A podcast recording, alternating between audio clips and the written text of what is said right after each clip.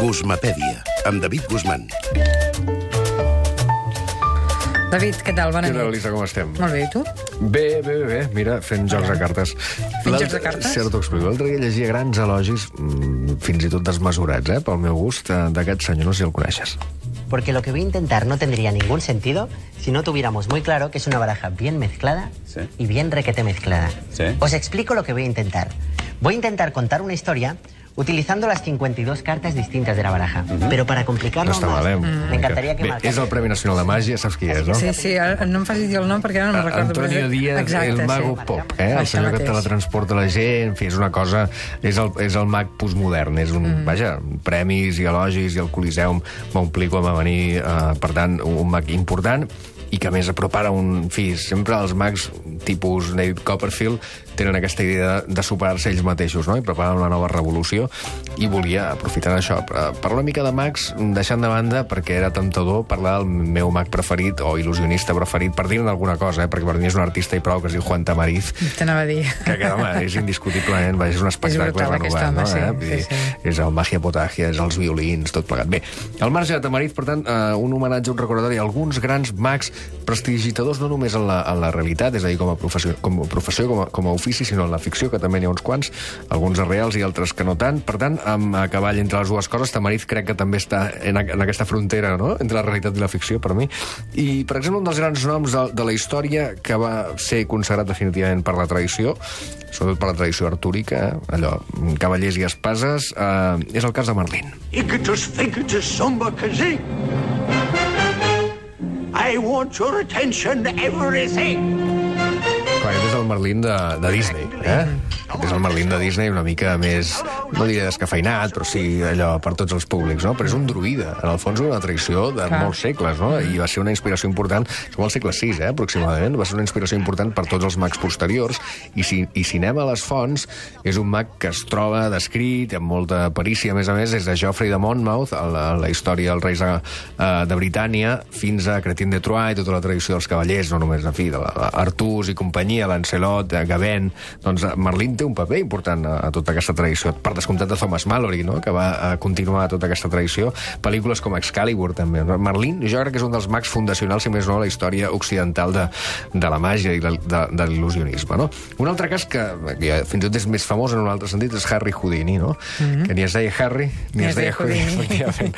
Era, era un showman, eh, també fins i tot posant-se nom, eh? un escapista sensacional. La història de l'espectacle crec que tampoc ha tingut eh, comparació. Era hongarès, en realitat es deia Eric Weist, no?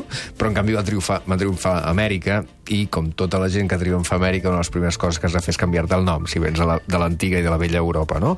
Trucs com escapar-se d'un bidó eh, de llet eh, emmanillat, mm. o aquell altre de, de, de la cambra de tortura xinesa amb els peus atrapats i, cam- i penjat cap per avall, no? És a dir, tot de, dins un tanc d'aigua, tot d'un fenomen de l'il·lusionisme i de la física que tampoc ha estat superat, o que quan ho han intentat no ha estat sense risc, eh? Però el que feia Houdini era per fer-s'ho mirar, allò de nens no ho feu a casa.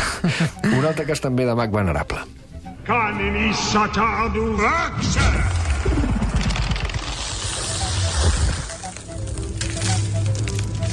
No, no et demanaré que coneguis la... És el Dumbledore? No, no, no, no, no, però vaja, és, estem, estem aquí, eh? Estem Estem, a aquí. literatura, estem al cinema, és Gandalf. Ah, és esclar, que que era l'altre l'altre possible. Exacte, és una creació original de Tolkien, eh, però en paper, però vaja, ara, per ara jo crec que és indestriable de, de la cara del rostre de Sir Ian McKellen, eh, que és qui l'ha interpretat primer en la, en la trilogia El senyor dels anells i després també en el Hobbit, no?, de Peter Jackson. Estem parlant d'un metre 80 de contundència eh, i de poders màgics a la Terra Mitjana o, o on convingui. No? Canta el fel gris, després ho canta el fel blanc. Veig que estàs posada amb això. Estic posada, estic posada. Correcte, per, per qüestions familiars o per, per interès propi. Bé, en tot cas, si esmentem Gandalf, mm, que, que primer va ser personatge literari, efectivament, i després va passar a, a la pantalla, home, cal citar també un altre prodigi. There's antimony, arsenic, aluminum, selenium, and hydrogen, and oxygen, and nitrogen, and uranium, and nickel, neodymium, neptunium, germanium, and iron, americium, ruthenium, uranium, europium, zirconium, lutetium, vanadium, and anthium, and osmium, and acetine, and radium, and golden protactinium, and indium, and això no gallium, eh, no és ben bé el mag qui ho fa, sinó Daniel Radcliffe, l'actor que interpreta Harry Potter, però per mi és, fins i tot és màgic, eh? recitar la taula periòdica dels elements, que se la sap de memòria, la va aprendre friquiment en algun moment a l'institut, i això sí que és màgia autèntica, no? Però efectivament Harry Potter, que ha estat un altre fenomen in- increïble, que creix i evoluciona des de Hogwarts fins al final, eh, diguem-ne, i que eh, també en el cas del compte corrent de J.K. Rowling ha evolucionat fins a extrems multimilionaris, no? Aquí també hi ha Voldemort, esclar, eh? és a dir, és el- l'altra cara, la, sempre hi ha l'enemic, igual que en el cas de Tolkien tenim Gandalf, però també tenim Saruman, Ah. eh? la, la, la, malvat. I atenció a aquesta altra. I'm doing this, stroking the thin part because it's it's it's fast. Yes, Dice que la razón por la cual está... yes. You see, it's becoming plastic. Adiós. You see, Que está flotando, eh, que it's becoming very, very plastic, and there's no heat. no hay calor. eh, It's breaking also. se está, dice que se va a romper, You see, Perdó, de cullera, eh? De les culleres. que se funde el metal. And touch it. There's no heat. Look. Déu-n'hi-do.